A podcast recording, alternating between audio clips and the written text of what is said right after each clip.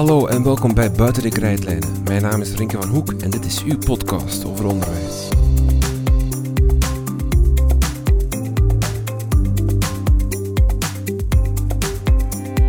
We praten vandaag over attitudes, want vele leerkrachten merken een verschil in de attitudes van de leerlingen sinds corona. Een aantal maanden afstandsonderwijs, mondmaskers, codes van rood naar groen hebben toch een stevige impact gehad op de attitudes en het gedrag van onze leerlingen. We praten hierover met verschillende mensen. Martijn Valke is professor pedagogie aan de Universiteit van Gent en bestuurder bij VZ2 Soda Plus, een organisatie die met het SODA-attest inzet op het belonen van de attitudes van de leerlingen. Yannick Kraus en Jonathan Setjori zijn leerlingenbegeleiders op Don Bosco School in Hoboken. Zij proberen in hun school sterk in te zetten op opvoeding, samenhorigheid, maar dan wel gekoppeld aan de nodige discipline. Yannick en Jonathan proberen de leerlingen te begeleiden en te coachen. Zij vertellen in deze aflevering de verhalen vanuit de praktijk. Deze podcast werd gemaakt in samenwerking met VZ2 Soda Plus. Plus wil leerlingen motiveren om uit te blinken in stiptheid, orde, zelfdiscipline en in professionele attitude. Als leerlingen het SORA-attest halen, maken ze meer kans op weekendwerk, vakantiejobs en stageplaatsen. Wil je graag samenwerken of meer weten over deze organisatie? Surf dan naar www.soraplus.be. Hoe staat het met de attitudes van onze leerlingen? We vragen het aan Martijn, Yannick en Jonathan.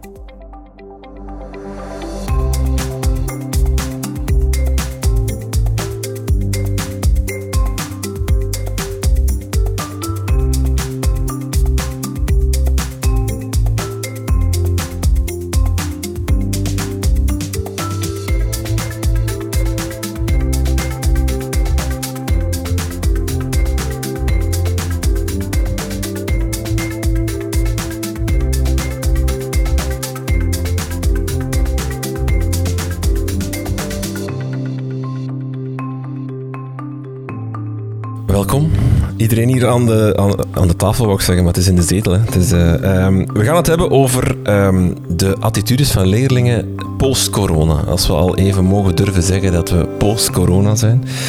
Uh, Jonathan, uh, Yannick, een vraagje. Wat, welke concrete verschillen merken jullie in de attitudes van leerlingen na corona? Um, wij zien wel grote verschillen als het gaat over de gelatenheid van leerlingen en de schoolmoeheid.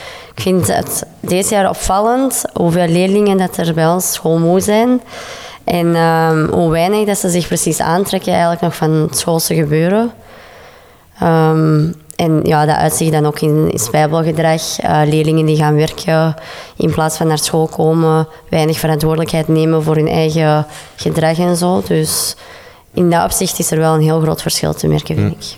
Jonathan, merk je dat ook? Ja, ik sluit me daar wel bij aan. Um, ik denk ook wel richting depressies. We hebben ook wel, denk ik, meer leerlingen die dat daar allee, richting depressie zijn aan het gaan of, of daarin hebben gezeten.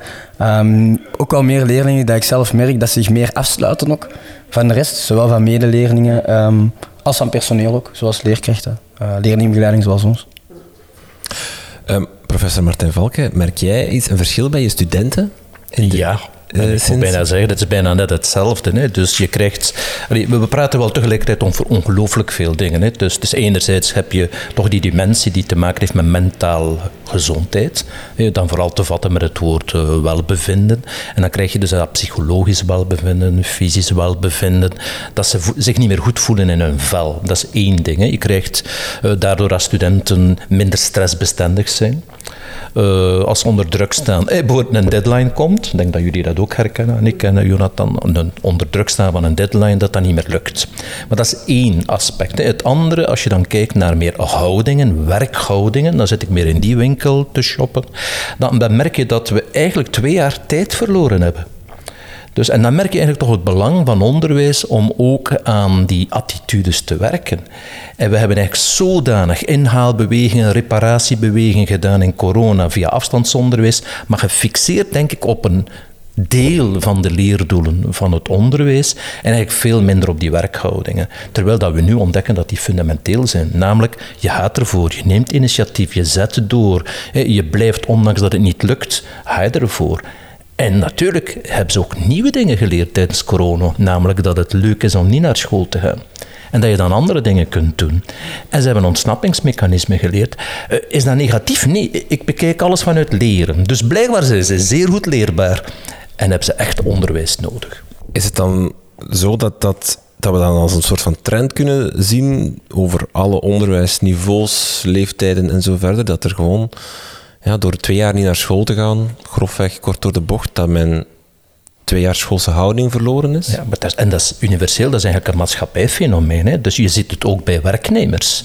Dus, uh, wij zijn zelf ook een werkgever aan de universiteit, maar ik merk het ook bij andere settings, dat dus mensen zich genesteld hebben in thuiswerken. En dat ze afspraken maken op tijd te komen, uh, ja, dan toch ervoor gaan om fysisch contact te hebben in een vergadering. Hoewel dat ik het ook niet altijd zo graag doe, hè, want van op afstand is het handiger. Uh, dat dat een stuk weg is. En eigenlijk algemeen het woordje discipline in, in verhoudingen, werkverhoudingen, leerverhoudingen, sociale verhoudingen, dat is een stukje weg. Hm? Welke oorzaken kunnen we daarvoor formuleren? Ja, wij merken wel gewoon ook een groot verschil tussen leerlingen die bijvoorbeeld wel uh, vaker naar school mochten komen tijdens de coronapandemie en die wel de structuur voor een groot deel hebben kunnen behouden. En die merken wij wel, die, die, die discipline wel nog meer in zich hebben om, um, om het wel te behalen en, en te doen. En, de schoolmoeheid is wel minder bij die leerlingen. Dus ik denk, zo structuur, dat dat wel echt een heel belangrijke... punt is in, het schoolsysteem dat je, dat je moet hebben en dat leerlingen moeten hebben om, om te blijven komen en zo. En dat is gewoon weggevallen in twee jaar tijd. En, en dat is heel moeilijk om precies terug op te bouwen. Ja, ik kan mij daarbij aansluiten. Ik denk ook zeker als we gaan kijken naar onze, onze beroepsleerlingen, merk ik toch wel dat die, ja, die hadden echt wel een houvast nodig. En dat is nu ja, door corona helemaal weg. En, en die jongens en meisjes ja, hebben heel veel moeite om bijvoorbeeld s morgens uit hun bed te komen, om um, ja, er op tijd te zijn. En ik denk daardoor ook wel dat dat, ja, dat heeft het gewoon allemaal niet gemakkelijker gemaakt om, dat nu, ja, om daar nu terug mee te starten. En dat merken wij heel hard. Ik denk allee, dat, er, dat we dat mogen zeggen, dat er effectief wel een verschil is tussen onze, onze technische leerlingen en onze beroepsleerlingen. Structuur is hier het woord? Ja, structuur, maar daarin zie je dat eigenlijk onderwijs alleen al door de manier waarop het georganiseerd is, eigenlijk werkt aan attitudes. Namelijk, je hebt een tijdsplan, je hebt een mijlpaal, je hebt een deadline.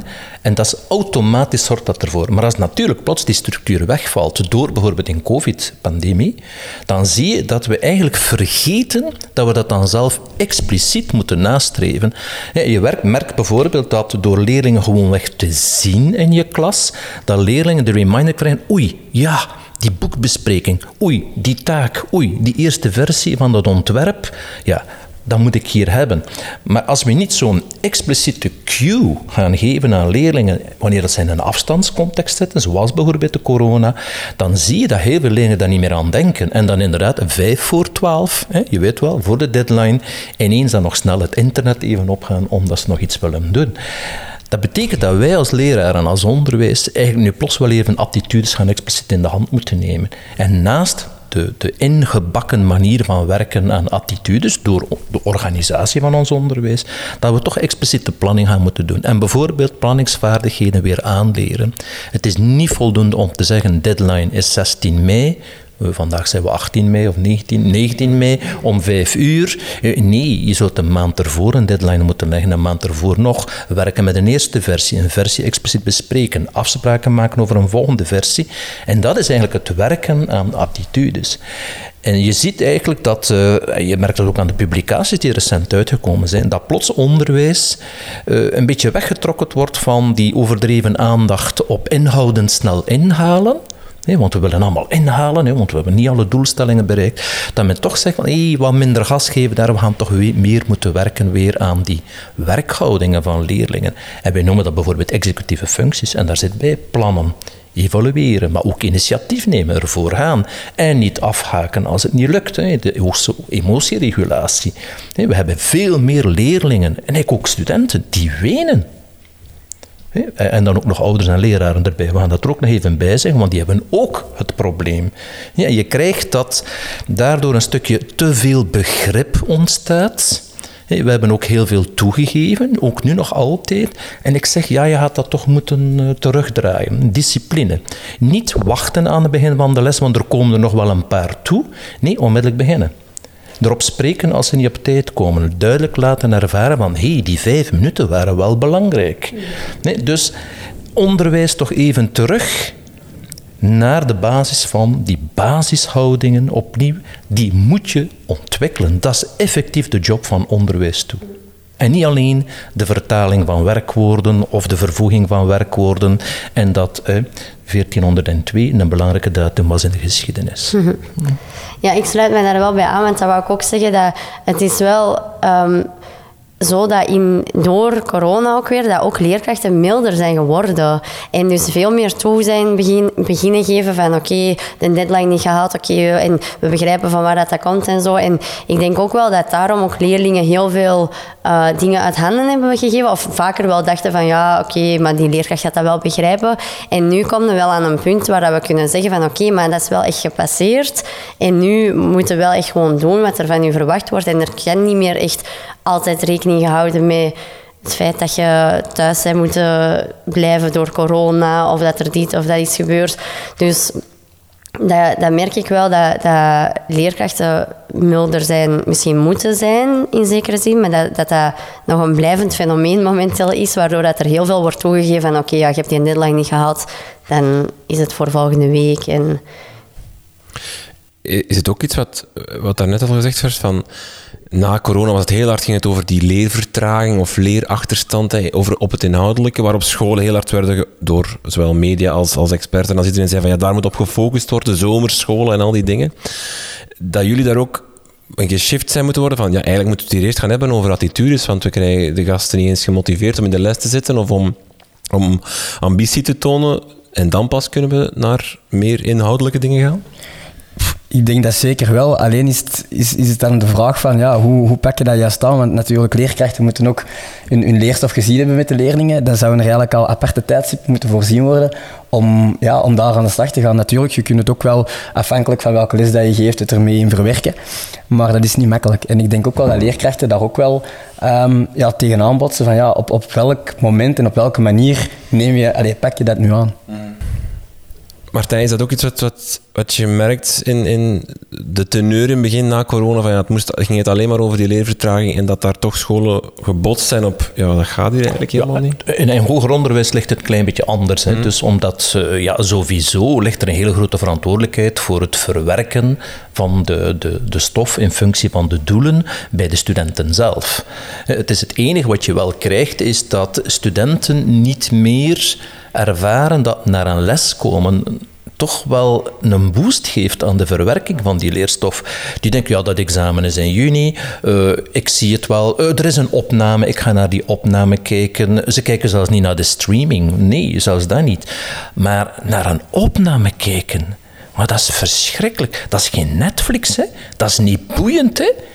Eh, eh, er waren zelfs studenten, je, houdt het niet voor mogelijk, er was een groepssessie waarbij studenten interactief in kleine groepen aan bezig, bezig zijn.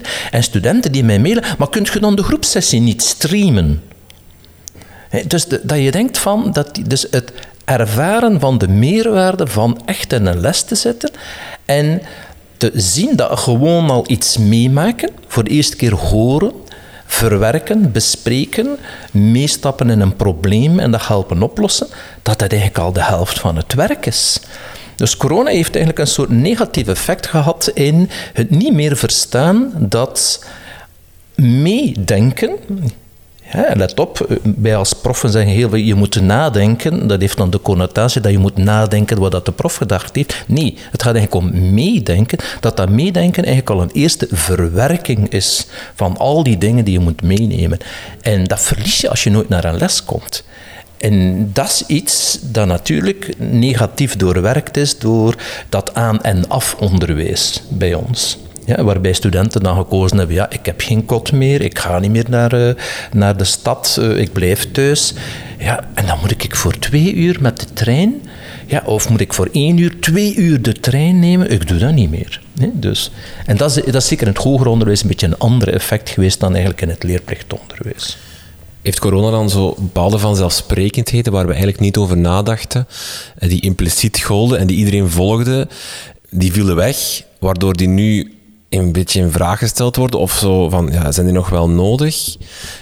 Ik, bedoel, ik had vorig, vorig trimester had ik een vak en dat werd gedoseerd en dat werd niet gelivestreamd en ik kon een paar lessen niet komen en ik was helemaal in paniek van, ja, hoe kan ik nu die les inhalen? Terwijl, ja, tot voor corona werd bij wijze van spreken geen enkele les gelivestreamd en had ik dan had ik nooit denk, nooit ook, want ik leg er aan de verantwoordelijkheid bij die prof van ja, waarom zit hij nu, waarom livestreamt hij of neemt hij zijn lessen niet op? Dat kan toch niet meer. Ah, dus mijn attitude was veranderd. Speel, maar ik vind eigenlijk een heel goed voorbeeld. Iets wat eigenlijk hier vergeten wordt in de discussie is, het gaat bijna altijd over die lesgever en die ene leerling. En we kijken, en corona heeft veroorzaakt dat we heel sterk die één op één relatie benadrukken van, en die prof is verantwoordelijk voor mijn leerproces. Terwijl eigenlijk je even goed naar je collega's kunt gaan bellen en zeggen van kunnen we niet een soort buddy systeem uitbouwen? Kunnen we niet even, even zelf nabespreken en bediscussiëren wat dat er gebeurd is? Eh, hoe zit dat met jouw notities? Wat, wat heb jij meegenomen en niet meegenomen? En je ziet dat corona dat weggenomen heeft, namelijk het belang van delen van kennis. In, in de onderwijspsychologie noemen we dat als sharing en cognitive, met een cognitive dimension of sharing of knowledge. Maar dat is superbelangrijk. En leraren zijn dat allemaal een beetje kwijt, proffen zijn dat allemaal een beetje kwijt, doordat alles wordt nu van, ik kijk via mijn internetverbinding, via mijn camera naar die prof en daar moet alles in gebeuren. Maar dat is nooit zo geweest. Dus inderdaad, puntjes weer op de i. Hè. We moeten die volle rijkdom van die leeromgeving, waar ook andere leerlingen en studenten zitten meenemen. Het is niet omdat ene leraar op een draaibank een demo geeft dat je leert. Nee, het is ook hoe dat je je anderen bezig ziet. Feedback krijgt van je collega, even kunt meespieken hoe dat hij als een draaibank die olie regelt. Anders leert je niet. Is ook iets wat jullie merken, dat er zo meer één op één gedacht wordt? Want we hebben allemaal eigenlijk inderdaad dat, dat afstandsonderwijs, dat online onderwijs voelt heel, heel één op één aan. En je hebt bijna geen klassikale dingen die gebeuren. Je kijkt ook maar naar één persoon vaak. Dat er ook meer één op één verwacht dat je, dat je, dat je als dat leerkrachten meer mails krijgen voor persoonlijke problemen is dan één op één moeten oplossen. Dat daar meer dat soort van structuren die naar boven komen? Ik ken dat wel beamen, omdat een voorbeeldje van morgen bijvoorbeeld heb ik daar nog een berichtje over gekregen. Een, een, een leerling Um, ja, dat zegt van ja, ik heb mailtjes gestuurd naar een leerkracht. Um, ja, die antwoordt niet direct. Um, ik, heb er, ik heb er direct eigenlijk vragen over. Het is gemakkelijker geworden voor hen ook om snel, eh, snel reactie te verwachten, eigenlijk, omdat ze die periode thuis zaten. En er wordt minder inderdaad onderling gecommuniceerd, merk ik. Ik denk, eh, uh, dat zal je ook in de, in de hogeschool, de universiteit ook wel voelen. Ja, leerlingen zijn, op, zijn die periode heel veel thuis geweest. De binding onder de leerlingen zijn ook gewoon, is veel minder. Als je in je tweede jaar bijvoorbeeld, stel dat je nu eh, twee jaar geleden is afgestudeerd, je zit in je tweede jaar, maar eigenlijk ken je gewoon je medeleerlingen niet. En, en dat doet er ook heel veel voor met groepswerken of zo van tevoren. Ik ben juist afgestudeerd zelf de periode uh, alvorens corona kwam. We hadden nog redelijk veel binding. Mijn broertje bijvoorbeeld, die studeert nu nog altijd, die zei ook van, dat was eigenlijk verschrikkelijk, want ik kom in mijn tweede jaar en ik ken eigenlijk zo goed als niemand. Allee, in onderzoek blijkt dat heel duidelijk. Je hebt eigenlijk twee grote vormen van geïntegreerd zijn in een setting om te leren. De ene is de academische integratie. Daar zorgt meestal een lesgever voor. Dat je meezijt met de doelen, dat je de juiste elementen krijgt, dat je feedback krijgt. Maar de tweede, die even superbelangrijk is, de sociale integratie. Namelijk in welke mate zit je mee met een groep? Haalt je energie uit die groep? Voelt je ook erkend door die groep? Dat is toch allemaal wat we zelf willen, ook als volwassenen. Dat is zo'n klein schouderklopje. Voelen hey, die heeft het ook moeilijk. Ah, die vond dat ook niet zo gemakkelijk, die opdracht. Wow, die is ook vijf minuten te laat. Dus dat delen zorgt voor een vorm van sociale integratie dat bijna 50% bepaalt of je eigenlijk voor iets gaat. En in alle modellen van studiesucces en blijven voortdoen in onderwijs, blijven academische integratie en sociale integratie dominant naast elkaar staan. En denk het repareren van een klassieke leerverhouding het moet ook niet alleen inzetten zijn op die academische component, dus naar die leerdoelen toe, maar even goed naar die sociale. Want kinderen zijn die sociale vaardigheden ook kwijt. en als we het dan hebben over welbevinden, zien we dat het sociale welbevinden bij heel veel jongeren, kinderen, weg was. En daar klaagden ze over. Dat psychologisch welvinden in termen van leren, dat was niks. Maar gewoon geen vriendjes meer zien. Niet meer kunnen samenspelen. Een keer niet elkaar kunnen... Nee, ik mag dat niet zeggen, pesten. Eh, nee, een keer niet zo elkaar kunnen teasen. Hè. Maar dat is belangrijk. Hè. Zeker bij opgroeiende jongeren. Dat bestaat eruit snuffelen aan elkaar. Eh, uitwisselen met elkaar. Eh, eh, verhoudingen zien tussen elkaar. Dat was allemaal weg. En dat is een beetje het, niet alleen het zout in de patatten, zoals we dat noemen. Nee, dat is ook een boost om leren te gaan ondersteunen. Wij merken ook bij de giepwerking in onze scholen dat de samenwerking tussen de leerlingen onderling, die samen dus een giep uh, maken, dat dat moeilijker is. Want die moeten zowel op school samenwerken als thuis samenwerken. Maar dat thuis samenwerken, dat verloopt gewoon ook wel moeilijker, omdat die dat ook ondertussen al veel minder gewoon zijn om, uh, om ja, samen te werken en, en sociale contacten te leggen, bij elkaar thuis te komen. Dat is iets dat ook twee jaar is weggevallen.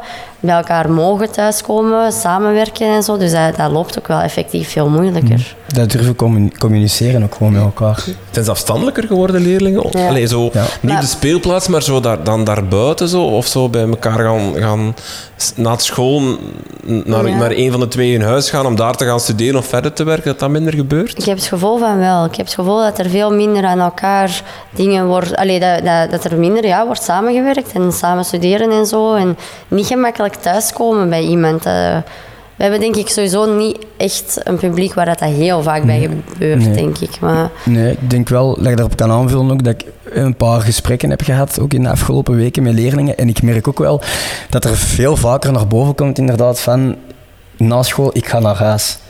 En wat doe je daarna? Ik blijf thuis. Terwijl, ja, of gaan werken. Gaan werken of ik blijf thuis. Maar voor de rest zo echt dat sociaal contact van kan mijn vrienden nog iets doen of kan naar de sportclub. zijn, zijn, ja, zijn toch wel heel veel uh, leerlingen die dat eigenlijk ja, na corona ook, het, ook ja, het, het, het, de zin in, in, in sommige zaken naast school ook verloren hebben. En, het, uh, het, voelt zo alsof dat we, hè, door corona moesten we bepaalde dingen niet meer doen. We werden in een bepaald stramien ge, ge, gedwongen, omdat het niet mocht. Hè. We mochten geen fysiek contact hebben, we mochten niet dicht bij elkaar komen, we mochten niet um, uh, op school zijn. En dat we daar nu en we kunnen misschien doortrekken naar de, de maatschappij, eigenlijk niet helemaal, ook al zijn de regels weg, uitgebroken geraken of zo. Of dat dat toch niet zo vlot gaat als we gedacht hadden. Zo het, het, het rijk der vrijheid waar we al over gesproken werden, eh, eh, dat dat toch niet echt er al 1, 2, 3 is of zo. Maar dat is omdat we dat niet zien als een expliciet doel van het onderwijs. We zijn er altijd van uitgegaan dat dat er is. En eigenlijk heel veel van die sociale contacten werden door jongeren en kinderen zelf onderhouden. En het onderwijs profiteert daarvan.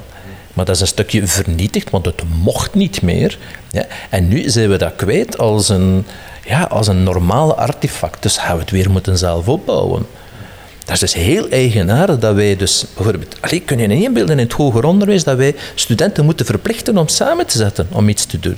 En die dat vervelend vinden en tijdverlies vinden. Terwijl vroeger, en we kregen ze gewoon niet op in een ene stoel, ze zaten altijd bij elkaar. Wil ik er iets alleen doen, alsjeblieft? Ja? Dus, en dat is heel eigenaardig. Dus we moeten daar weer aan werken, want dus de kracht van dingen samen te doen, dat is, dat is enorm bij leren dus uh, samenwerkend leren, hij weet wel, dat is al onderzoek van meer dan 100 jaar. Dat geeft een meerwaarde. Natuurlijk moet je wel maken dat je zelf je eigen kennisbasis hebt.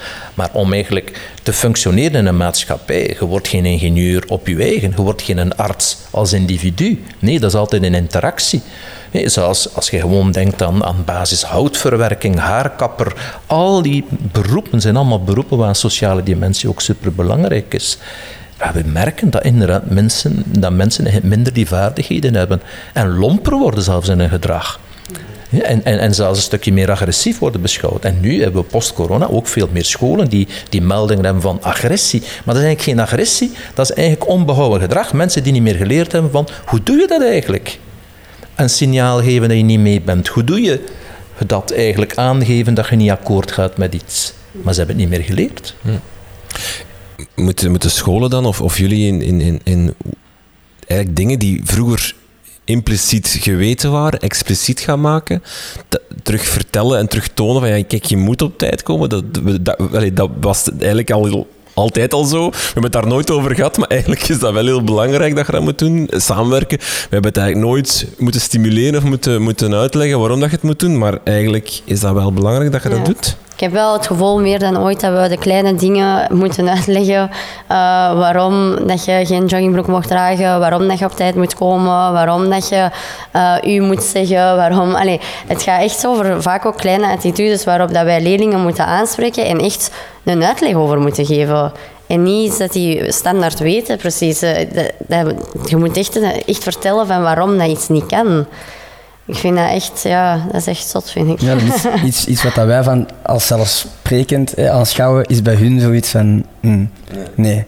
Ja, maar het is weg, hè? Het is echt weg. Dit is het zelfs tragisch, hè? We zitten nu met studenten die worden in een eindfase zitten, na vijf jaar studeren, en die bijvoorbeeld beuzen, om eens het mooie metafoor te gebruiken van de buis, ja, die gaan beuzen voor een stage. Waarom?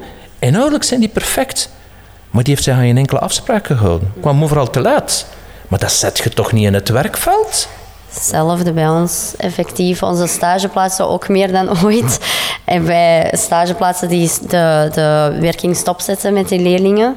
Omdat die leerlingen gewoon geen attitude hebben om te werken. En die kunnen inhoudelijk waarschijnlijk inderdaad wel wat ze moeten doen. En dan zeggen die dat ook. Die zijn verontwaardigd van ja, maar ik doe toch gewoon wat ik moet doen. Maar die komen te laat. Die beslissen zelf om vroeger te vertrekken zonder te bespreken. Ehm, die zijn ziek zonder dat te laten weten. Zo van die dingen. Dat is echt heel erg. Het is zot om te bedenken dat dat dan komt omdat ze dat twee jaar lang niet hebben moeten doen. Maar dat is het wel uiteindelijk. Ja, en we vergeten dat dat eigenlijk ook geleerd wordt. En eigenlijk is dat nu niet geleerd of afgeleerd. En eigenlijk moet je daar een expliciet een leerproces op zetten. En dat is, dat is iets wat we nu ontdekken, hoe belangrijk dat, dat was. Maar als we daar geen aandacht aan hebben, dan... Ja, dat zijn al studenten bij ons die al twee jaar lang die sturing niet gekregen hebben. Ja, inderdaad ken ik werkgevers die zeggen ik hou mijn hart vast. Aan de andere kant, de, ja, de werkomgeving is een harde omgeving waar ze dan snel de rekening gaan krijgen. En dat vind ik spijtig, dat je dan als opleidingsinstelling dan voelt, ja, heb ik nu gefaald? We hebben twee keer meer studenten die falen in de eindfase van een opleiding. Maar dat is toch significant? En dat gaat dan inderdaad vooral in die gedragscomponent, waarin dat die attitude naar voren komt van stiptheid, orde, discipline. Dat is toch erg? Mhm. Ja. Ik vind het eigenlijk ook wel een, dat is inderdaad, uh, zoals u zegt, dat is, dat is een alarmsignaal.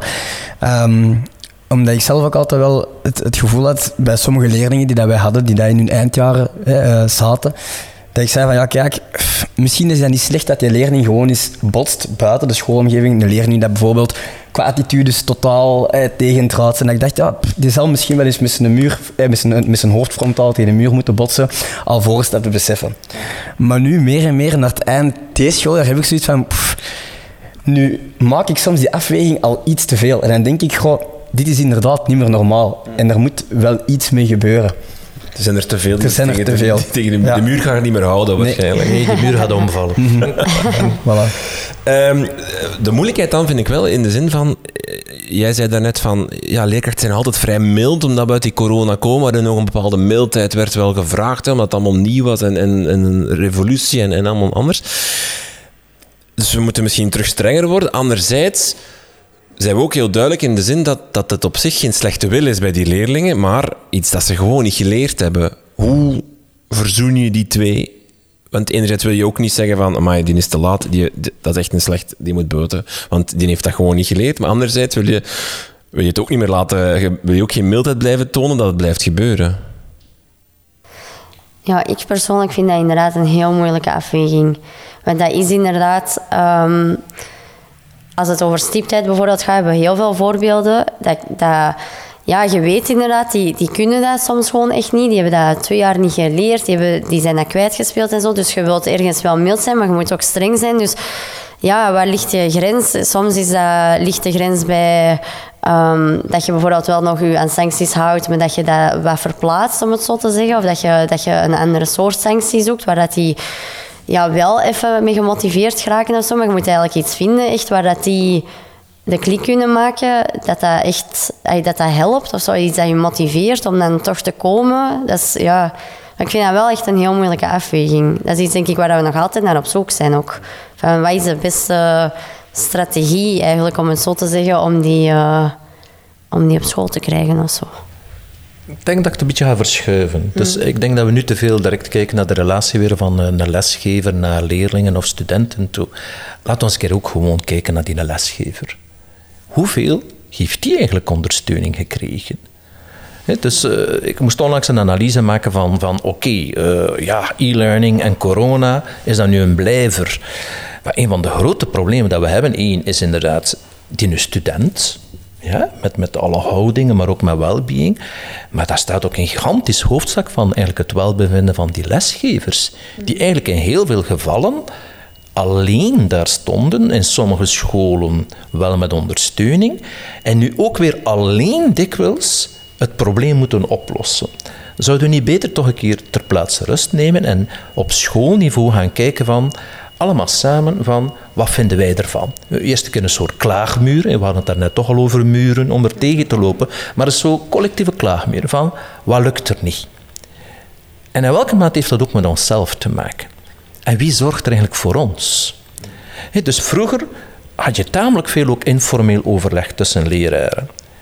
Ook dat informeel overleg was weg. Ook die leraren hebben eigenlijk geen sociale setting meer gehad waarin dat ze wat steun bij elkaar konden vinden. Ze werden ook als individu beschouwd. Moesten het als individu oplossen, soms met tools, maar dan werd technische zakelijke communicatie en samenwerking opgezet. Een keer informeel, een keer samen gaan fietsen, naar barbecue, koken. Eigenlijk ook wat we dan weer daarnet het zout in de patat noemen, was ook voor hen weg. En plots krijg je weer die rekening gepresenteerd van en nu heb je dat allemaal niet gedaan en nu moet jij dat weer allemaal gaan oplossen. Eh, ik zou toch een keer zeggen, ter plaatse rust, laten we ook eens kijken van hoe zit het met onze lesgevers, met onze leraren. En hoe zorgen we voor hen? Oh, in plaats van ze nu onmiddellijk weer zwaar te belasten en dan kijken van hoe kunnen we als team dat doen. bijvoorbeeld, ik ben nogal een fan van bijvoorbeeld voor het SODA-project. Nu, waarom? Dat gaat expliciet over stiptheid, orde, discipline en aptitudes. Maar niet alleen daarom, maar omdat dat een 360 graden systeem is. Dat is een school-wide initiatief. Waar dat alle leerlingen, samen met de mensen van het secretariaat, samen met die in de atelier, samen met diegenen die de speelplaats aan het opkuisen of aan het verbouwen zijn, dat die samen naar die leerlingen kijken. Samen. En dat samen is bij die mensen ook weg geweest. Dat mag je ook niet vergeten. Dus we moeten een beetje vermijden dat we plots weer zeggen, leraren moeten, het onderwijs moet. We moeten ook eens kijken, dat zijn ook allemaal mensen. Dat is ook mensen die een academische en een sociale integratie hebben. Hoe zit dat bij hen? En hoe is bij hen dat ontwikkeld? Je mag niet vergeten, er zijn ook mensen met kinderen thuis die ook hebben moeten lesgeven, terwijl dat er drie kinderen onderwijs aan het volgen waren. Hadden de waanzin aan twee kanten, zeg ik dan altijd. Voor en achter het scherm, tegelijkertijd. Dus ik denk dat we daar geen lessen uit getrokken hebben. En dat we eigenlijk moeten gaan kijken, misschien moeten we wat meer ondersteuning ook aan ons personeel geven. En niet vragen, en hoe ga je dat nu oplossen? Maar meer gaan kijken van hoe gaan we dat als school oplossen? Hoe gaan we als school een lijn trekken? Want elk conflict dat je nu hebt met een leerling over stiptijd, niet, dingen die correct afgeleverd, uh, ja, gewoon alles wat laten lopen en hangen. Ja, maar als ik dat altijd als individu met een individuele leerling moet oplossen, nee, we zijn op dat gebied zijn we school. Dan gaan we een beetje terug ook weer school moeten worden. Hm. Is dat ook het wat jullie merken, dat leerkrachten ja, want dat was ook iets wat ik las in de voorbereiding. Ik denk dat Bert Smits het ergens gezegd, gezegd heeft in een artikel van ja, leerkrachten zijn ook wel, hebben ook wel wat meegemaakt. Hè. Ze hebben heel die corona gehad. We hebben nu een lerarentekort dat op en afkomt, waardoor ze vaak extra uren doen of waardoor er vaak ook nog extra spanning op dat, op dat korps staat of op die school staat. Het is niet abnormaal om te denken dat eigenlijk ook voor leraren het, het lontje misschien wel wat korter is en dat het allemaal wat minder mag en kan en, en wat minder uh, ja, geduld is of zo. Is dat iets wat jullie ook merken?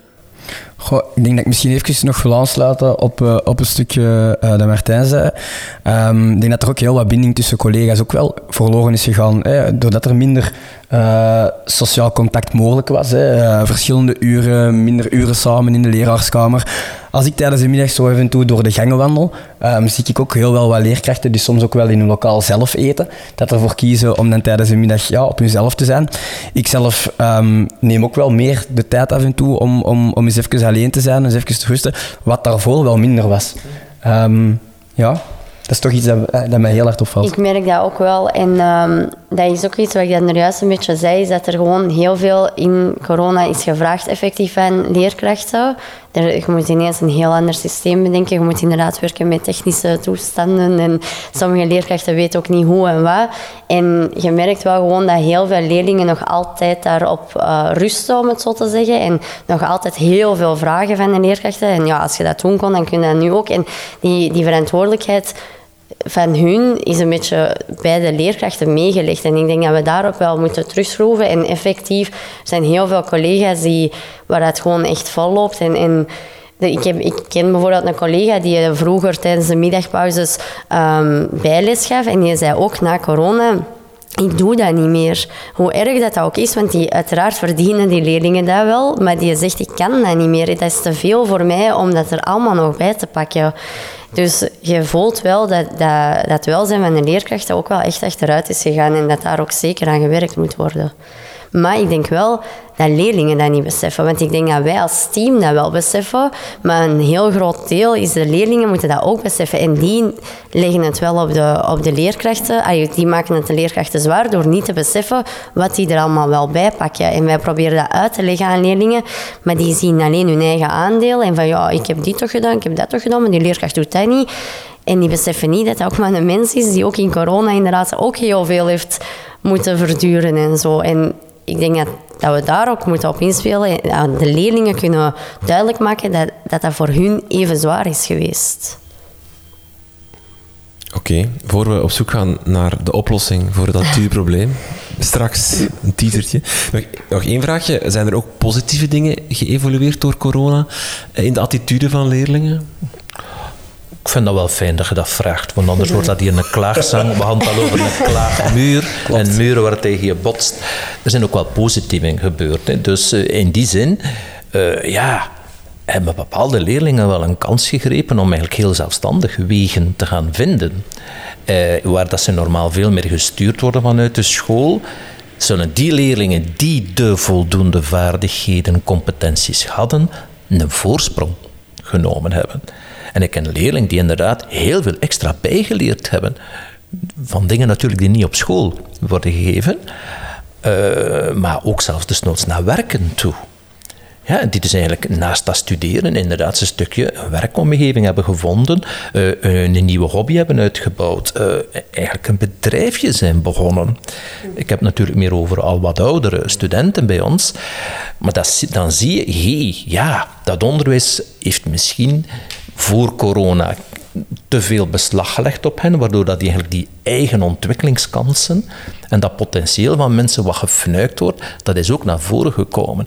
Maar ik zeg dat wel, dat is bij die mensen die natuurlijk voldoende stevig in hun stoenen, gaan, stoenen, schoenen staan en eigenlijk uh, een stukje die resilience hebben. Hè. Je weet dat, die stevigheid, maar ook wel de basiscompetentie hebben om dat te doen. Heb je dat niet, ja, dan was je wel een stukje natuurlijk meer ja, op jezelf aangewezen. Plus, niet vergeten, niet iedereen had thuis een sociaal netwerk. Hm? En dus voor die leerlingen die dat wel hadden, zie je dat die eigenlijk minder problemen hebben gehad en toch vooruit zijn gegaan, zelfstandig. En die een stukje zelfstandigheid hebben ontwikkeld, die eigenlijk veel verder gaat dan wij normaal in een onderwijs ontwikkelen. Maar ik ga wel herhalen, dat is een minderheid van de leerlingen. Maar die corona heeft wel kansen gegeven om dat te laten ontwikkelen. Hm? Ook iets wat jullie, jullie zien in de praktijk? Ja, ik denk uh, zelfstandigheid dat dat sowieso bij bepaalde leerlingen effectief wel um, een pluspunt is geweest. Dat die op hun eigen benen... Ik denk dat je dat ook wel ziet als het gaat over... Juist hadden we het over groepsverband, dat dat moeilijker is om samen te werken. Je ziet ook wel gewoon inderdaad dat vroeger was dat zelfs meer van, ja, die zal dat wel doen en nu doen ze dat misschien meer op hun eigen. Dat merk ik wel. Um, en ik denk ook, Allee, dat is positief en negatief, maar ik denk dat er wel meer probleemsituaties naar boven zijn gekomen. En dat is, ja, dat is erg natuurlijk, maar dat is ook wel positief, want we kunnen die wel beter helpen en begeleiden daardoor. Ehm, het moeilijke dan is natuurlijk, en dat is dan ook het systeem van België, dat er heel veel wachtlijsten zijn en dat niet iedereen overal terecht kan. Maar dat is natuurlijk een andere podcast waarschijnlijk. Ehm, maar dat is wel het nadeel eraan, is dat, dat dat systeem overloopt, om het zo te zeggen, omdat er net meer naar boven is gekomen qua thuissituaties en zo van die dingen. Maar dat is ook positief, omdat je natuurlijk die leerlingen beter kunt begeleiden daardoor verborgen is zichtbaar geworden. Ja, een beetje wel. En toont ook meteen hoe belangrijk onderwijs is om te compenseren voor heel veel dingen die in de thuisomgeving mhm. van kinderen niet aanwezig is. Eigenlijk is aan pluim voor het onderwijs. Maar tegelijkertijd natuurlijk ook een belasting voor het onderwijs. Mhm. Sorry, ik heb je onderbroken. Nee, nee, nee, Ik denk alleen eh, het, werk, ja, dat is ook iets dat wij heel hard werken. Hè. Uh, leerlingen zijn in, ik zal maar in het, in het stuk dat ze bijvoorbeeld uh, drie dagen naar school moesten komen, twee dagen thuis, de volgende week dat het dan juist andersom was. Ja, zijn heel veel van onze leerlingen. Hè. Wij werken met 16, 17, 18, 19, soms 20-jarige leerlingen, um, ja, die dat gaan werken zijn. Hè. En, en dat is iets voor, jongens om, om heel moeilijk. Hè. Ze hebben dan dat, dat materialistische ook. En, en, en ze hebben nu ook geld geroken. En, en dat is leuk op zo'n leeftijd. En je merkt heel hard dat ze daar nu nog altijd heel hard mee bezig zijn. Terwijl dat ze moeten beseffen ja, dat, ze, dat ze op school ook wel, ja, dat, ze, dat ze betaald worden in leergeld, om het zo te zeggen. Um, en dat is een, een, een klik bij heel veel jongens dat ja, dat toch nog heel moeilijk is. En dat we daar toch op gaan moeten blijven inzetten. Dat, ja, dat school nog altijd ja, iets is wat je hopelijk dan wel met je diploma verder brengt dan dat je, dat je zonder diploma aan de school verlaat. ik zou het toch tof vinden, moesten zeker in een derde graad secundair onderwijs studenten twee dagen in de week mogen werken. Om toch een beetje te, te, leren proeven ook van jongens, het is niet alleen spelen. Hè. Dus, want de werkwereld, dat is niet alleen geld, maar dat is ook verantwoordelijkheid krijgen, nemen. En daar krijg je even goed die aptitudes en die gaan ook terugvloeien mm naar het onderwijs. Dus mm allee, blijf een schooltje spelen, ik noem dat echt schooltje spelen. Hè. En leerlingen verplichten uh, om, om van acht uur s'avonds tot vier uur op een school te zijn. En jullie branche zeker. Ik denk dat de link met werkplek leren fantastisch kan zijn. Iedereen pleit voor duaal onderwijs. We hebben het gratis gekregen, maar we hebben er niks mee gedaan. Oké, we gaan hier de oplossing aanbrengen voor het attitudeprobleem na corona. Ehm, mijn eerste oplossing die ik wil suggereren is eigenlijk de, misschien de gemakkelijkste, namelijk die trekt zichzelf wel recht, jongens. We zijn gewoon nog wat vroeg. We zijn nog maar net na corona. Geef dat nog een jaar of twee en dat komt wel in orde. Zijn er voorstanders van mijn theorie? Kijk, het probleem is. dat, dat, deze theorie is perfect in een wereld die dan natuurlijk negeert dat er wel een generatie van 2,5 generaties van kinderen dat wel hebben meegedragen. En die gaan daar wel nog wel een tijdje de gevolgen van dragen. Je kan natuurlijk zeggen van, uh, dat lost zich wel op. Hè, dan. En we weten, de, de, het, reparatievermogen van een systeem is groot. Ook bij een individu, zelfs een mens, een jongere, een kind, kan repareren. Maar we vergeten hoeveel er gebeurt in die ontwikkelingsfase. Zeker die twee jaar. Dus dat gaat er over hele kleine kinderen. Je kunt niet geloven hoe hard dat die de school nodig hebben. Gaat dat over oudere leerlingen in het secundair onderwijs. Je kunt niet geloven hoeveel dat die eigenlijk het onderwijs nodig hebben. Om, om die ontwikkeling een boost te geven. Onderwijs is echt belangrijk hoor. En, en, dat gaat niet alleen echt over die inhouden, dat gaat heel sterk over eigenlijk die executieve functies en eigenlijk die houdingen. Die hebben dat niet gehad. En dat mag je niet vergeten. Maar zegt u wel van, over twee jaar voeren we dit gesprek niet meer? Jawel. We gaan, we gaan praten over die leerlingen. Ah ja, maar ja, dat zijn wel coronaleerlingen. De coronageneratie, daar gaan we de het corona-generatie. Helaas gaan we daarover praten. Maar op zich, voor de leerlingen die dan bijvoorbeeld geen corona hebben meegemaakt in mm. onderwijs, tegen dan is dat wel hersteld? Nee, omdat het systeem niet hersteld is. Dus eigenlijk vergeten we dat het onderwijs als geheel een krak heeft gekregen. We hebben het dan net over die leraren gehad. Die leraren zijn nog altijd niet hersteld. We denken van, bovendien, corona is niet weg. Ik heb net met een mail van Taiwan gekregen. Nee, Martijn, het lukt niet. Want er is hier opnieuw een opflakkering. Dus we leven in een zeer. Uh, we negeren de werkelijkheid een beetje vandaag. Ja? Maar we vergeten dat het onderwijs echt eigenlijk een krak heeft gekregen. En dat heel veel leraren, zoals je zegt, die bereidheid om er nog iets bij te nemen, dat is weg. Maar dat was wel natuurlijk een beetje de smeerolie van ons onderwijs. Dat is namelijk dat vrijwillige initiatief van leraren om er nog iets bij te doen, een tandje bij te steken. Maar als dat weg is, Waar gaat die leerling dan naartoe om die extra uitleg te krijgen? Die krijgt dat niet meer. Een stukje, die, eh, een stukje toch meegaan met de leerling, dat is weg. Want, ah nee, uh, ik heb zoveel tijd verloren, het moet sneller gaan.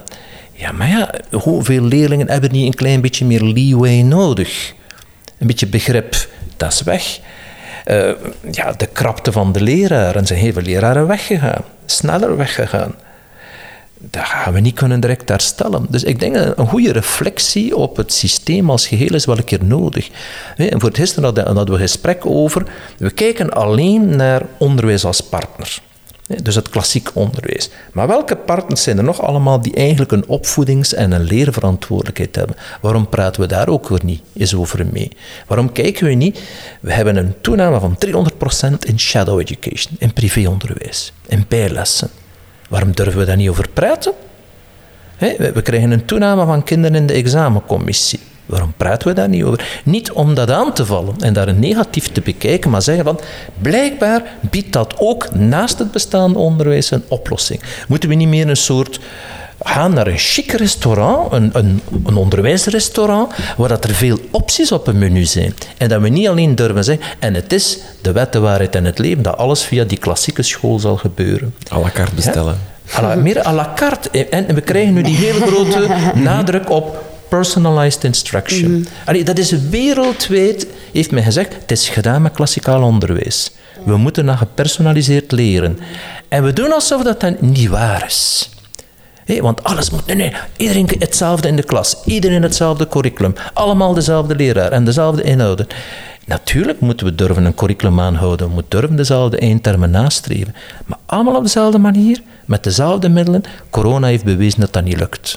Maar hoor ik dan dat er eigenlijk dat we niet één probleem moeten oplossen, maar twee, namelijk één, we hebben een generatie van leerlingen die twee jaar geen attitude, training of les gekregen hebben, die, die dat ontbreken. Dat moeten we oplossen. Twee, zitten we met een systeem dan een knak gekregen heeft, zegt u. En dat we ook eens dringend over moeten gaan reflecteren van hoe krijgen we dat terug maar ik post-corona. dat het onderwijssysteem, dat dat voor corona eigenlijk al een probleem was. En door corona is dat misschien boven water gekomen, waar dat probleem zich misschien echt situeert of zo. Ik weet het niet. Dat heeft dat versterkt, waardoor dat ik denk dat je... Um, dat nu duidelijk is dat, dat ja, het een werkt het ander misschien zo wat in de hand of zo, hoe moet ik dat zeggen? En ik denk inderdaad, ik ben een heel grote voorstander van uh, modulair systeem of uh, à la onderwijs in, in secundair onderwijs werken of zo, waar dat leerlingen gewoon meer kunnen hun wat keuzes kunnen maken en zo. En ik ben geen voorstander om voor iedereen, ik zeg bij iedereen is iets anders, maar voor altijd secundair onderwijs voor alle leerlingen ik denk niet dat dat werkt. Maar ik denk niet dat dat met corona alleen te maken heeft. Hm. Dat is mooi, hè? corona kunnen zien als een hestcel. Die heeft vat heeft toen fermenteren, het loopt nu over. ja. ja, die metaforen kunnen ook tegen u werken. Het is een mooie een aflevering bol van de metaforen. um, laten we dan eens even kijken naar eh, het attitudeprobleem. Of dan die, die generatie of die jongeren die twee jaar lang um, geen onderwijs of geen... geen uh, onderwijs op, op school gekregen heeft. En nu merk je van, oei, die attitude is weg. Hoe leer je dat toch nog bij? Hoe kan je dat toch nog een tijd keren dat ze toch nog de juiste attitudes hebben, ook voor later op de werkplek, dat ze daar ook de juiste attitudes aan de dag leggen? Dus één, expliciet maken. Dus echt met Hans het schoolteam zeggen van, waar staan wij voor? Wat is het lijstje? Echt, en durven een lijstje maken. Want dat zijn de tien geboden. Nee, we zijn weer bij een metafoor beland. Hè? Maar dat lijstje, hang dat lijstje overal in je school. Maar van zodra je merkt dat een leerling iets goed doet, dat past bij dat lijstje, waarderen. Waarderen. Dat is iets heel eigenaars. Als het over attitudes gaat, zijn we een klager. Want we kijken wanneer dat niet in orde is. En als het over attitudes gaat die in orde zijn, heb je al ooit een schouderklopje gekregen dat je iets op tijd had ingediend? Oh nee, want dat is vanzelfsprekend. Ja? Dus eigenlijk, dat is het systeem wat we wat eigenlijk in de literatuur genoemd een school-wide positive behavior system.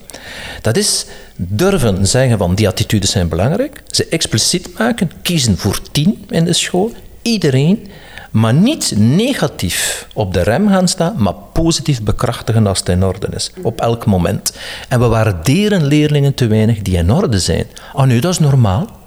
Maar degenen die niet in orde zijn, die gaan scheren we af. Hè. En er lopen er veel die kaal zijn hoor, op school nu. Weer al een metafoor. Helemaal mee eens. Positief bekrachtigen, ik vind dat we dat te weinig doen. En dat is natuurlijk moeilijk, omdat er ook veel meer leerlingen eigenlijk het wel goed doen. Waardoor dat je ja, heel veel positieve dingen... Allee, wat kan natuurlijk, maar ja... Ik, dat is, we leven nog altijd in een wereld waar dat sancties gemakkelijker te geven zijn, denk ik, dan is een complimentje of zo. vind ik spijtig. Ik ga een domme vraag stellen, maar hoe doe je dat? Belonen? Op een goede manier, zonder dat het te materialistisch wordt of zo? Ja, maar dat gaat over wauw, ik, ik apprecieer dat echt dat, dat jij al klaar zit, want uh, wij kunnen onmiddellijk met jou aan de slag. Kijk, we kunnen zelfs naar mij aan de slag. Jij kunt nu direct bij mij komen om die eerste bespreking uit te voeren, terwijl dat ander zich nog klaar zet. Dus vooral woordelijk, gewoon echt ja, uitspreken als iemand iets man, Ik ben geen rijke mens. niemand in het onderwijs is rijk. Maar ik denk dat jij dat zeker ook merkt in jouw setting. Absoluut. Ik denk, ik denk dat, dat complementeren, dat heel veel mensen dat onderschatten wat dat, dat doet. Dat doet heel veel ik merk dat bij onze leerlingen ook. Die fleuren daarvan op en je ziet die dan de komende periode effectief dan wel meer hun best doen. En, en waarderen dat je dat effectief ook gezegd hebt. Die onthouden dat ook. Um, ik wil daar ook nog even bij aansluiten. Ik denk, zoals dat positief bekrachtigen, ik denk dat we daar al heel veel op proberen, we, eh, proberen we op in te zetten. En we moeten dat blijven doen. En nog meer. Maar ik denk vooral ook het, het expliciete en het uh, visualiseren inderdaad van de, de attitudes rondom de school. Denk dat dat iets is bijvoorbeeld wat ik nu hoor, wat ik eigenlijk zelf nog niet aan gedacht had, um, dat dat ook inderdaad heel, heel belangrijk was zijn, dat we dat doen. Want, want jij zei de tien geboden, dan maak je een keuze voor tien. Want je zou op zich zou je waarschijnlijk 30, 40 attitudes kunnen opzommen ja, maar dat is het probleem. Hè. We, we, leggen een programma voor het leven op tafel om in tien minuten na te streven. We vergeten dat we dingen moeten opbouwen er tien. Volgend jaar misschien tien andere dan daarachter. Maar leer ook te kijken hoe dat eigenlijk die attitudes doorwerken. En het kleinste dat leerlingen doen, maar dat ook dat je leraren doen. Hey, leraren gaan we ook bekrachtigen, hè, tussen. Die verdienen ook een beloning en een waardering. En we doen dat ook niet. Nee, in tegendeel, uh, hij zei te laat en uw, uw toetsen zijn niet in orde. En ja, in plaats van te zeggen, van, hey, dat was een creatieve toets, kunnen we dit niet bespreken met het team, want dat is eigenlijk wel een voorbeeld van hoe je dit zou kunnen aanpakken. Ja. dus dan ben ik weer met professional development. Uh, een van de grote voorwaarden daarbij is dat een school moet durven stilstaan. Dus en zeggen van, wanneer ik er allemaal samen zitten, ja, en wanneer ik hier, ja, hoe gaan we dat aanpakken? En we hebben hier een voorstel. En dan ga je zien dat, dat, dat een team dan wel nodig is om zoiets te dragen. En dat je dan gaat moeten durven ja, ook erkennen dat niet alle leraren mee op die boot gaan springen.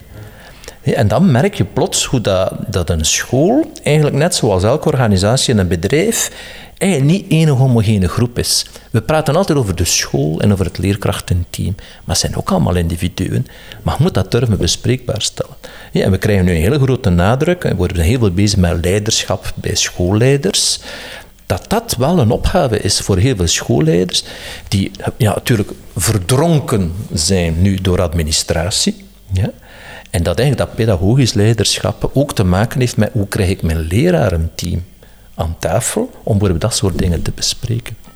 Wat het, het, moeilijke daar is dat je die tien geboden wel kunt, kunt beslissen maar dan moeten inderdaad jouw 60, 70, 80 leerkrachten die allemaal ja. uitdragen en er even hard mee bezig zijn, even hard positief bekrachtigen op alle tien. En sommigen vinden de ene belangrijker dan de andere. Allee. Maar dat zal ook zijn, het zal ook meer voor de hand liggen. Bijvoorbeeld veiligheid of opruimen. Als hij bezig is, ben je weer over een draaibank. Ik ben blijkbaar gefascineerd door draaibanken. Maar als hij bezig is met een draaibank... En dat is met olie en dat valt op de grond. Maar als je dat niet opruimt, dat gaat supersnel. Na een uur heb je al corrosie, heb je mogelijk al bijtende interacties van die olie. Je moet dat opruimen. En als je dat niet doet, veroorzaak je beschadiging. Trouwens, ook aan je eigen schoenen en je eigen kleren als je niet oplet. Dus eigenlijk, voor die leraar kun je zeggen, bij jou is dat superbelangrijk. En let daarop, maar waardeer dat gewoon. Plus, waardeer en registreer. En dat is nog iets anders. Hè? Een complimentje geven, dat kan zoiets als ja, een zuchtje wind zijn, dat wel aangenaam aanvoelt als een briesje aan de zee. We zijn weer bij de metafoor. Maar dat registreren en zeggen van, kijk, bij Anthony, wauw, ik heb toch heel dikwijls gezien dat dat eigenlijk in orde was. En dat is geregistreerd. En dat wordt meegenomen. Wat wordt er meestal meegenomen zijn de negatieve dingen. Dus het attituderapport, kennen jullie dat allemaal? daar stond gewoon weg oké, oké, oké of niet oké. En bij niet oké stond er dan de tekst van hier tot in de Himalaya's. Eh, waarom staat er geen tekst bij oké? Hm? En dat is eigenlijk het registreren. En dat moet niet bij alles zijn. Alsjeblieft, je kunt niet aan alle attitudes tegelijkertijd werken. Kijk ook naar wat dan een bepaalde jongere of kleine nodig heeft. Bijvoorbeeld alles mee hebben naar de les. dus de uitdaging, de dag van vandaag. Zet alles in je boekentas. Uh, wat zit erin? Dus ik, heb, ik geef dikwijls in de lerarenopleiding een les over de archeologie van de boekentas. Dat is met lagen en je kunt daarin graven totdat je uitkomt op de brief aan de ouders van 1 september. Twaalf maanden later uiteraard het schooljaar daarna. Maar dus gewoon inspelen bij die leerling weet ik dat die boekentas nooit in orde is. En waarom daar niet op letten? En van, hé hey, man, je hebt je kookmessen mee en ze zijn zelfs afgewassen dit keer. Dus, hé, hey, Tof, stofjas is gewassen dit keer. Tof, je ziet er puik uit. Jij kan eigenlijk direct beginnen in een restaurant. Zo, die kleine complimenten, maar ook wel registreren. Hm. En uh, net had we over dat mildheid van leerkrachten. Moet het wel een soort van... Een, een zo erop of, allee, erop of eronder is niet het woord, maar die, de attitudes die we dan, die tien die we gekozen hebben, daar is wel geen speelruimte. het is niet dat we een soort van mildheid gaan tonen als iemand zich daar niet aan houdt. Dan is positive behavior. Dus, dus eigenlijk mildheid betekent dat je alles wat dat positief bekrachtigt. En we zien een enorme, wat jij ook zegt, dat dus die leerling voelt dat, maar andere leerlingen zien het modeleffect. Er bestaat zoiets als social learning theorie. We leren allemaal door de gevolgen te zien van het gedrag bij iemand anders. En dat zal maken of wij ook verwachten, als we dat gedrag doen, dat wij ook gaan beloond worden. En je merkt dus dat het positief bekrachten bij een ander een effect geeft bij jezelf en bij andere leerlingen door die modeling. Maar wat doe ik dan als iemand die attitude niet toont? Als iemand onbeleefd is? Nee, je moet niet altijd de nadruk leggen op iets dat niet gebeurt. en dat, is iets, dat is iets van dat vingertje, ken je dat vingertje? Dat, van, dat. Dus knip het af. Snoeien, dat is ook nog een keer iets goed. Nee, niet altijd wijzen op wat dan negatief is of nog niet in orde. Wijs vooral op wat al in orde is. En dat is hetzelfde met iemand schrijft een tekst. Wel, elke leraar kan elke tekst, je bent zelf leraar Nederlands, je kunt elke tekst in de grond evalueren. Dat is niet moeilijk. Ik kreeg ooit zelf een score min 20 voor wiskunde, want elke fout werd aangeduid. Maar in plaats van te kijken naar wat wel goed is in die tekst, en dat aan te duiden, en zeggen van, we gaan dat gebruiken als het groeipunt in uw tekst. Natuurlijk, als er geen tekst is ingeleverd, hebben we een andere discussie. Die leerling zou ik dan in een situatie steken dan, dat er samen aan een tekst kan gewerkt worden.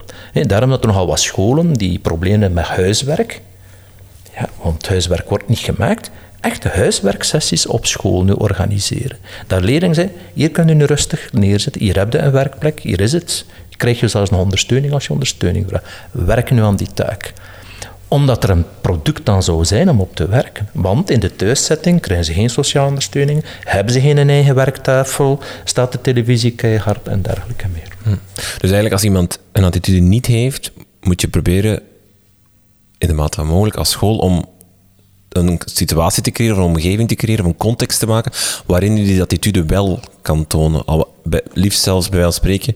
Hij heeft zijn uitspraak niet gemaakt, oké goed, blijf dan straks om 20 voor 4 een half uurtje in ons huis. Ja, maar niet, dat is dan een straf, hè? Dus dat is dan een straf. Er zijn scholen die gewoon generiek alle leerlingen werken die een donderdag voormiddag gedurende twee uur aan de overblijvende taken van die week. En kunnen daarbij ondersteuning krijgen. En het effect daarvan is ongelooflijk. Men neemt die twee uren en uiteindelijk kunnen die leerlingen neerzetten en aan hun werk beginnen. En dan starten ze tenminste. Maar altijd maar alleen maar die leerling nemen die niet in orde is. Die leerling die in orde is, zal die uren ook gebruiken voor iets. Ik denk, ik denk wel gewoon... Want dat is een systeem waar je nu aan denkt, is, dat is precies alleen positief bekrachtigen. We kunnen niet afstappen van sanctioneren bij bepaalde leerlingen. Dat gaat niet. Allee, eh, er zijn sowieso altijd leerlingen die, die gesanctioneerd gaan moeten worden. Ja, nee, maar dat is zo. De, de, de leerling die te laat is, je moet daar toch iets tegen zeggen? Nee, ja, te laat, met te laat komen vind ik inderdaad, want dat is een bepaalde attitude waar dat je effectief het positieve wel kunt bekrachtigen in de klas bij andere leerlingen. En, en die leer, dat, dat wel. Maar ik heb het wel echt over ja, bij ons op school, sorry, er zijn, er zijn zwaar mannen, om het zo te zeggen, tussen haakjes. Daar kunnen niet... Er moeten grenzen gesteld worden. Daar, er moeten grenzen gesteld worden. Daar, en daar leren evengoed de anderen ook wel uit van, oké, wat kan en wat kan niet. Dus ik denk dat dat een... Ja, en eigenlijk die, die registratie van drie keer te laat en dan komt er een melding thuis, uh, dat. Dat je er wel van thuis natuurlijk, dat, de thuis, dat je er wel van uit dat de thuisomgeving voldoende schoolgericht en schoolondersteunend is. Ja, daar moet je ook wel rekening mee houden. Hè? Dat je als school plots nog een keer de opvoedingslast erbij krijgt in bepaalde thuismilieus. Ik denk dat dat zelfs nog een andere podcast is. Dat we kunnen vullen. Ja, je had het daarnet over, over, over soda. Soda is op zich ook wel, wel, wel strikt en, en hoge verwachtingen. En, en je bent het ook heel snel, je, je, allee, de, het, de, het vinkje van bij de S of de O of de D of de A ben je ook wel vrij snel kwijt. Hè. Ik denk als je x aantal keer te laat bent, stiptijd mag, ben je kwijt. En het is zichtbaar. Voor ja, die, en voor iedereen. Klopt, maar dat wil dus wel zeggen dat je een soort van strengheid allee, dat, of een discipline moet gaan eisen. Ja. Kijk, ik ben niet voor een softe wereld. Hè. Ik ben er wel, maar wel een wereld waarin dat je minstens erkent dat dingen in orde zijn. En zijn ze de volgende keer niet eens, sorry man, maar je weet wel wat we afgesproken hadden.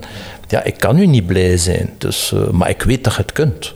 Dat je je kunt daar pakken. Hm? En het gaat een beetje ervan uit dat je wel uitgaat van ontwikkelingskansen bij mensen en dat gewaardeerd wordt dat er goed is en dat expliciteert en dat is er te weinig. Uh, jullie job als, als leerlingenbegeleider, hoe belangrijk is die in, dat, in, de, in de oplossing van de attitudes van, van leerlingen? Ja, ik denk wel heel belangrijk, want ik denk dat wij wel fungeren als een soort van lijm tussen leerkracht en leerling. Dus leerkrachten komen met problemen, leerlingen. Wij proberen in gesprek te gaan met beide partijen eigenlijk. Ik denk dat wij ook altijd wel luisteren naar beide partijen. En ik denk dat wij wel heel um, oplossingsgericht of probleemoplossend denken. En dat wij ook wel opties voorleggen van deze kunnen doen, deze kunnen doen. En is dat niet in orde, dan geeft de leerkracht of de leerling dat wel weer aan. En we proberen wel elke keer te zoeken naar, naar de best mogelijke oplossing voor ja, zowel leerkracht als leerling. Ik denk dat we er wel voor, voor beide wel wat staan. Um, ja, en ik denk wel dat wij een belangrijk component zijn binnen de school. Wij zijn een, een graad, een, een derde een, een derde graadsteam. Ja. We hebben binnen onze school wij per graad een leerlingbegeleiding van vier man, minstens.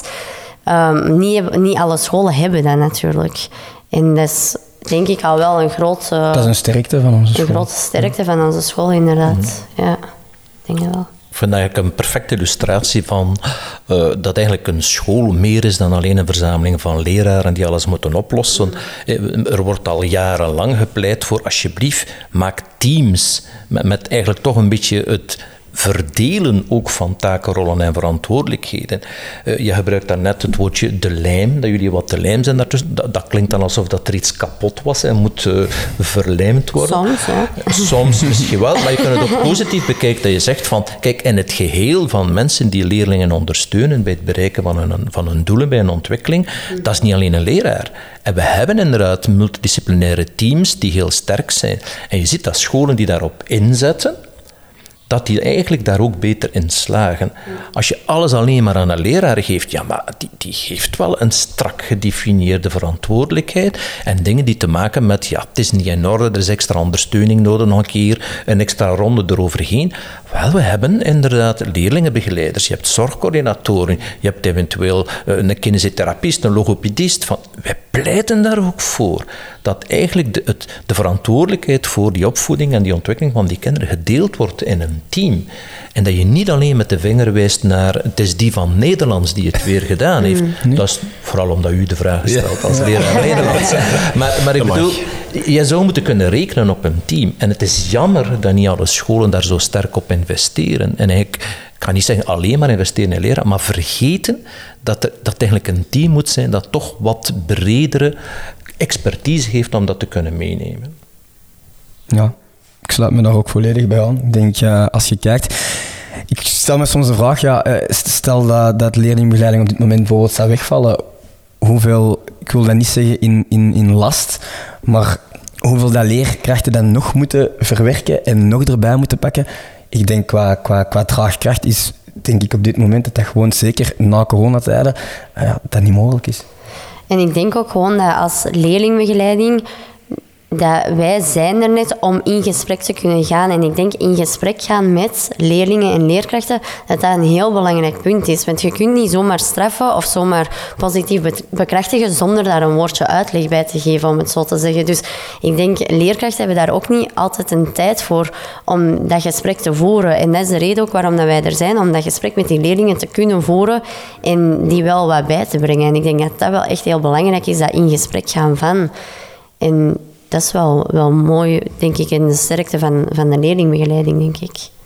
Ik weet dat we dreigen weer in een andere podcast terecht te komen, maar jullie zijn eigenlijk al, wat jullie illustreren is eigenlijk een voorbeeld van wat inclusief onderwijs zou moeten zijn.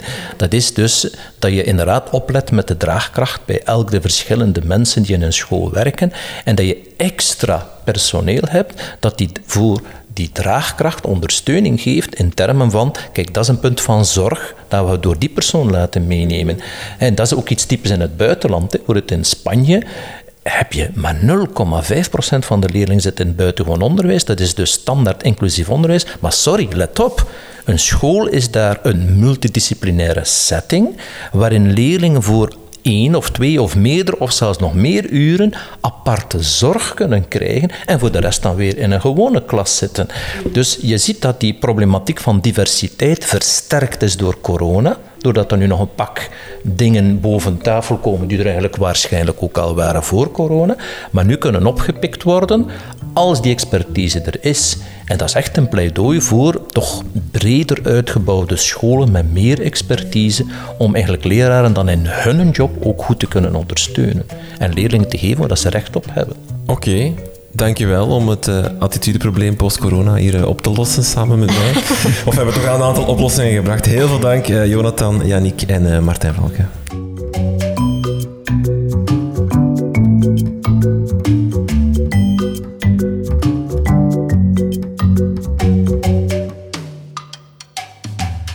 Dit was het dan weer voor deze aflevering. Meer info over Soda Plus vind je in de show notes van deze podcast. Blijf op de hoogte van onze nieuwe afleveringen en plannen via Twitter, Facebook of Instagram.